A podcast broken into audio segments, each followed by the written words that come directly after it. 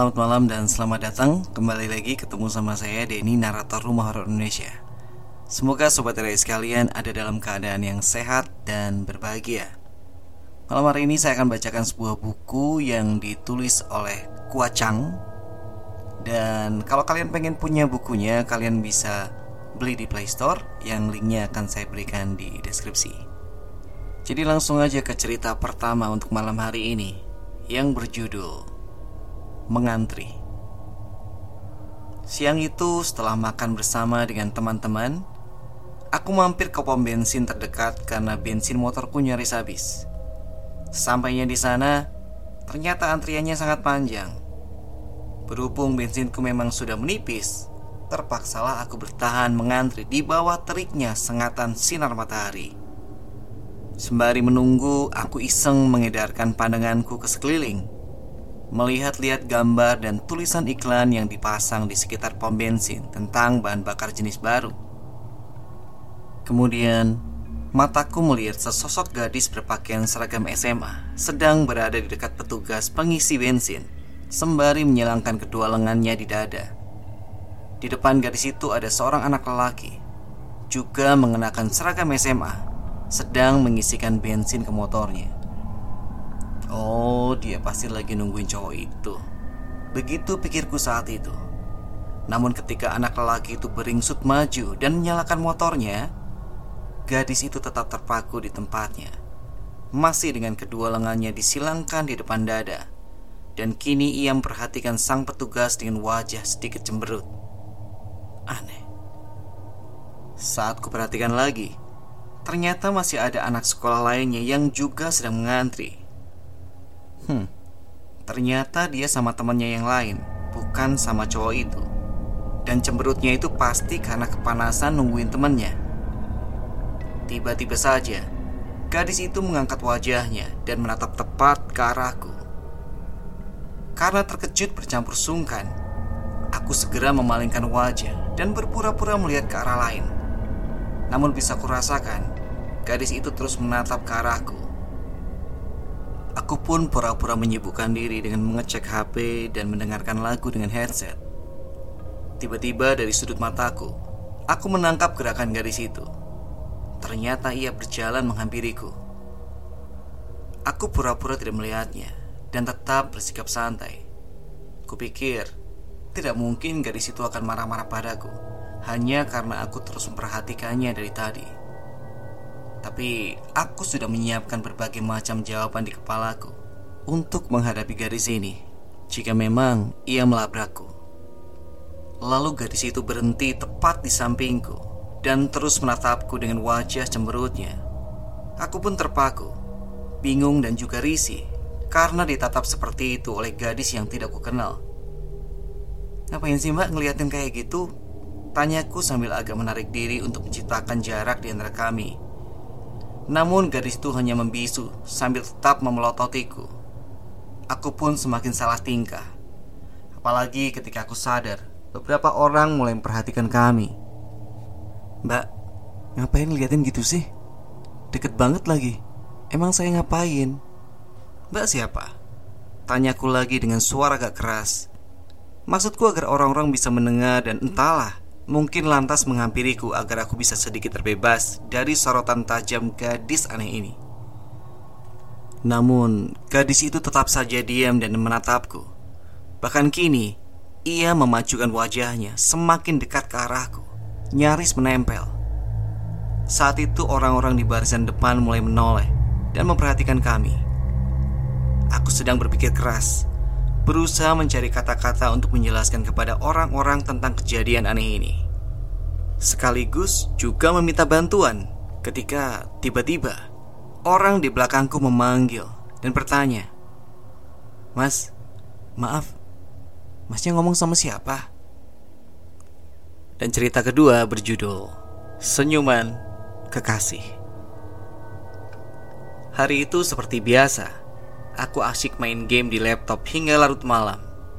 Jam menunjukkan pukul 1 pagi ketika tiba-tiba aku mendengar suara di luar kamar kosku.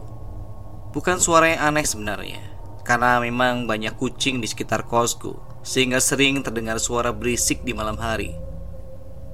Namun, sebuah perasaan aneh mengiringi ributnya suara di luar sana. Ya, aku merinding. Tiba-tiba saja, tanpa alasan jelas. Aku berusaha berpikir positif. Ah, paling karena lagi sendirian aja, makanya gue mendadak merinding pikirku dan melanjutkan bermain. Lama-lama, perasaan itu menghilang. Aku pun santai kembali dan melirik jam sambil terus bermain. Pukul 02.26 pagi. Wah, udah jam segini. Tidur ah, pikirku saat itu. Namun, keseruan dalam game itu menahanku tetap melotot terus hingga cukup lama. Aku melirik ke sudut kanan bawah laptopku untuk melihat jam. Jam 2 lewat 58 menit. Sudah benar-benar waktunya untuk berhenti main dan tidur. Aku pun menyudahi permainan dan menyimpan datanya untuk dilanjutkan di lain waktu. Ketika sedang menunggu proses penyimpanan data selesai Aku meluruskan punggung untuk menghilangkan pegal. Dan tanpa sengaja Mataku tertumbuk pada sesuatu yang muncul dari balik tembok Yang memisahkan ruanganku dengan ruangan depan sebuah kepala, sebuah wajah, sebuah senyuman. Tidak, bukan hanya sebuah wajah dengan senyuman biasa. Itu adalah wajah pujaan hatiku. Dan ia menatapku sambil tersenyum. Oh, tidak. Itu bukan senyuman. Lebih tepat disebut seringai. Dan kepalanya hanya berjarak sekitar dua jengkal dari lantai dengan posisi horizontal seolah ia sedang tiduran di lantai. Perlahan semakin turun ke bawah mendekati lantai. Aku terpaku, tak mampu bergerak, tak mampu bernafas. Menatap wajah yang menatapku balik dengan seringai lebar. Semakin lama, seringainya semakin lebar. Begitu lebar hingga mencapai telinga. Aku tak bisa mengalihkan mataku dari seringai menyeramkan itu. Tubuhku menegang. Keringat membanjiri tubuhku. Mataku perih karena tak sanggup berkedip. Takut lebih tepatnya. Takut kalau dalam sepersekian detik aku menutup mata untuk berkedip. Wajah itu akan tiba-tiba muncul persis di hadapanku ketika aku buka mata kembali. Dalam waktu yang terasa seperti seumur hidup itu, dia akhirnya perlahan menghilang ke balik tembok butuh waktu bagiku untuk akhirnya bisa menarik nafas kembali dengan terengah-engah. Dan seluruh rasa takut itu pun mendadak lenyap, meninggalkan hanya gemetar di tubuh. Aku segera mematikan laptop dan bersembunyi di balik selimut tanpa mematikan lampu. Tak sanggup ku berada dalam gelap walau hanya sekejap. Dan kurasa aku tak akan bisa lagi memandang wajah sang pujaan hati dengan perasaan yang sama seperti sebelumnya. Cerita yang selanjutnya berjudul Kecelakaan. Jam menunjukkan pukul 05.24 sore menjelang maghrib saat aku berdiri di halte bis. Tak banyak orang di sana bersamaku. Hanya sekitar tiga atau empat orang lainnya yang juga sedang menunggu angkutan umum dan seorang pedagang asongan yang memang mangkal di situ. Hari itu adalah hari Minggu sehingga halte bis tersebut tak seramai hari-hari lainnya di jam yang sama. Satu persatu orang-orang itu pergi setelah angkutan yang ditunggunya tiba. Dan aku masih berdiri di bawah lindungan atap halte, sekarang sendirian. Hanya ditemani si pedagang asongan yang asik menikmati secangkir kopi dan sebatang rokok. Aku masih setia menanti. Sedikit khawatir akan penantian yang sudah cukup lama. Sudah satu jam lebih aku berdiri di halte bis ini. Namun yang kutunggu tak kunjung tiba. Lalu dari kejauhan aku melihat seorang pengendara motor yang tak mengenakan helm. Hmm, Dasar manusia tak berotak. Di belakang motor tersebut Kulihat sebuah bis. Ah, akhirnya penantianku membuahkan hasil juga Aku pun melangkah ke pinggir jalan lalu melambaikan tanganku, membuat gerakan memanggil sambil sedikit tersenyum karena gembira. Tiba-tiba, sang pengendara motor membanting setir ke kiri dan tertabrak badan bis yang berada di belakangnya. Ia terbanting cukup keras ke aspal, kemudian terseret jauh. Sementara motornya hancur terlindas ban bis tersebut. Suaranya sangat keras sehingga menarik perhatian beberapa orang di sekitar halte, termasuk beberapa supir taksi yang sedang beristirahat tak jauh dari sana. Pengendara motor itu terseret dan berhenti di depanku, tergeletak dan tak bernyawa dengan posisi tubuh yang janggal dan bersimbah darah. Darah mengucur dari kepalanya yang tak terlindungi sama sekali.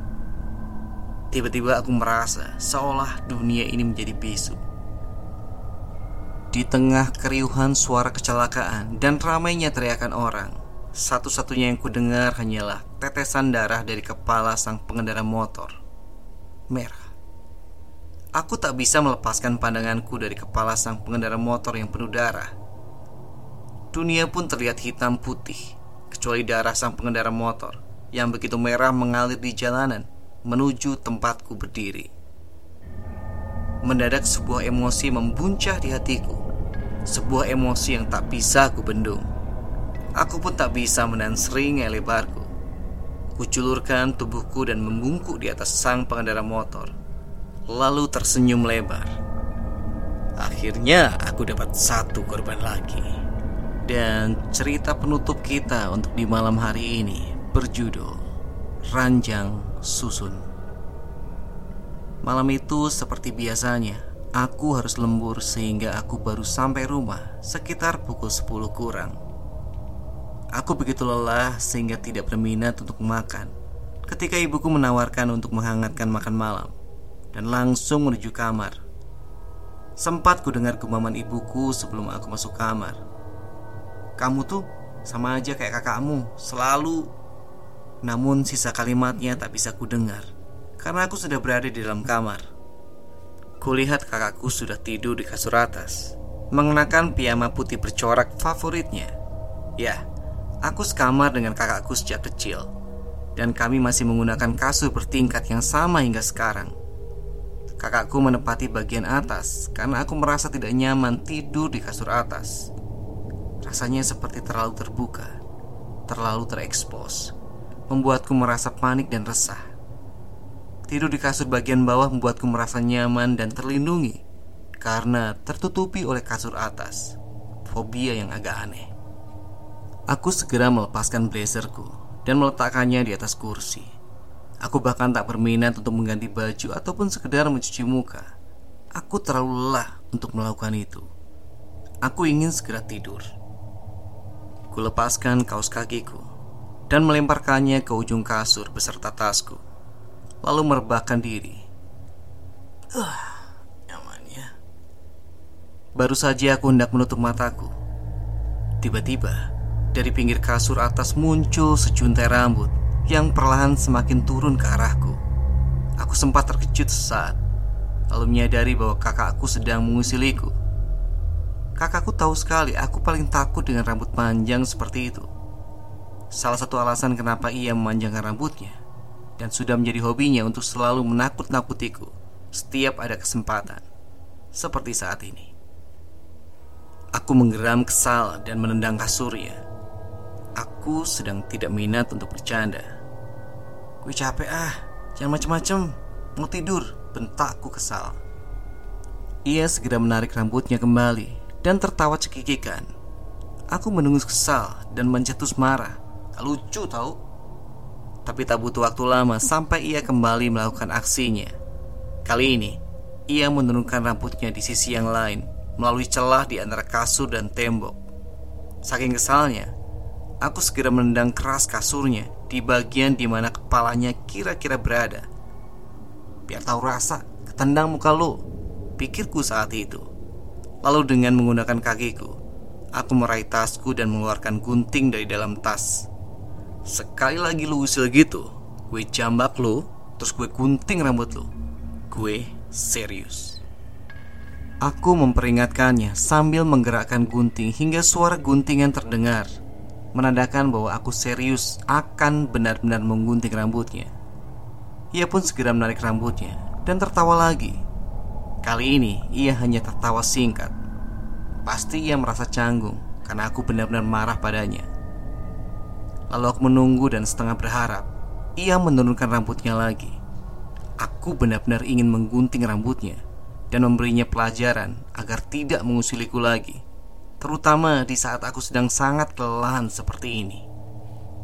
Tapi ia tidak melakukannya. Ia hanya bergerak-gerak di kasurnya, menyebabkan kasurku ikut bergoyang pelan. Kemudian kulihat kakinya menyembul di pinggir kasur, lalu perlahan menjejak tangga. Aku bangkit bertumpu pada satu lenganku, bersiap menyambutnya dengan bentakan ketika ia turun. Tiba-tiba, pintu kamarku terbanting dengan keras. Aku terkejut dan refleks menoleh ke arah pintu. Di sana berdiri kakakku yang melangkah masuk sambil menggerutu. Ah, gila macetnya. Masa gue di jalan sampai 4 jam lebih coba? Aku terperangah melihat kakakku di sana dan kakakku pun berhenti di tengah kamar, menatapku terkejut dengan mulut terbuka. Lalu ku dengar tawa tertahan di belakangku. Oke, begitulah empat cerita horor dari Kuajang. Semoga bisa menghibur kalian semua. Sampai ketemu di cerita berikutnya. Selamat malam, selamat beristirahat.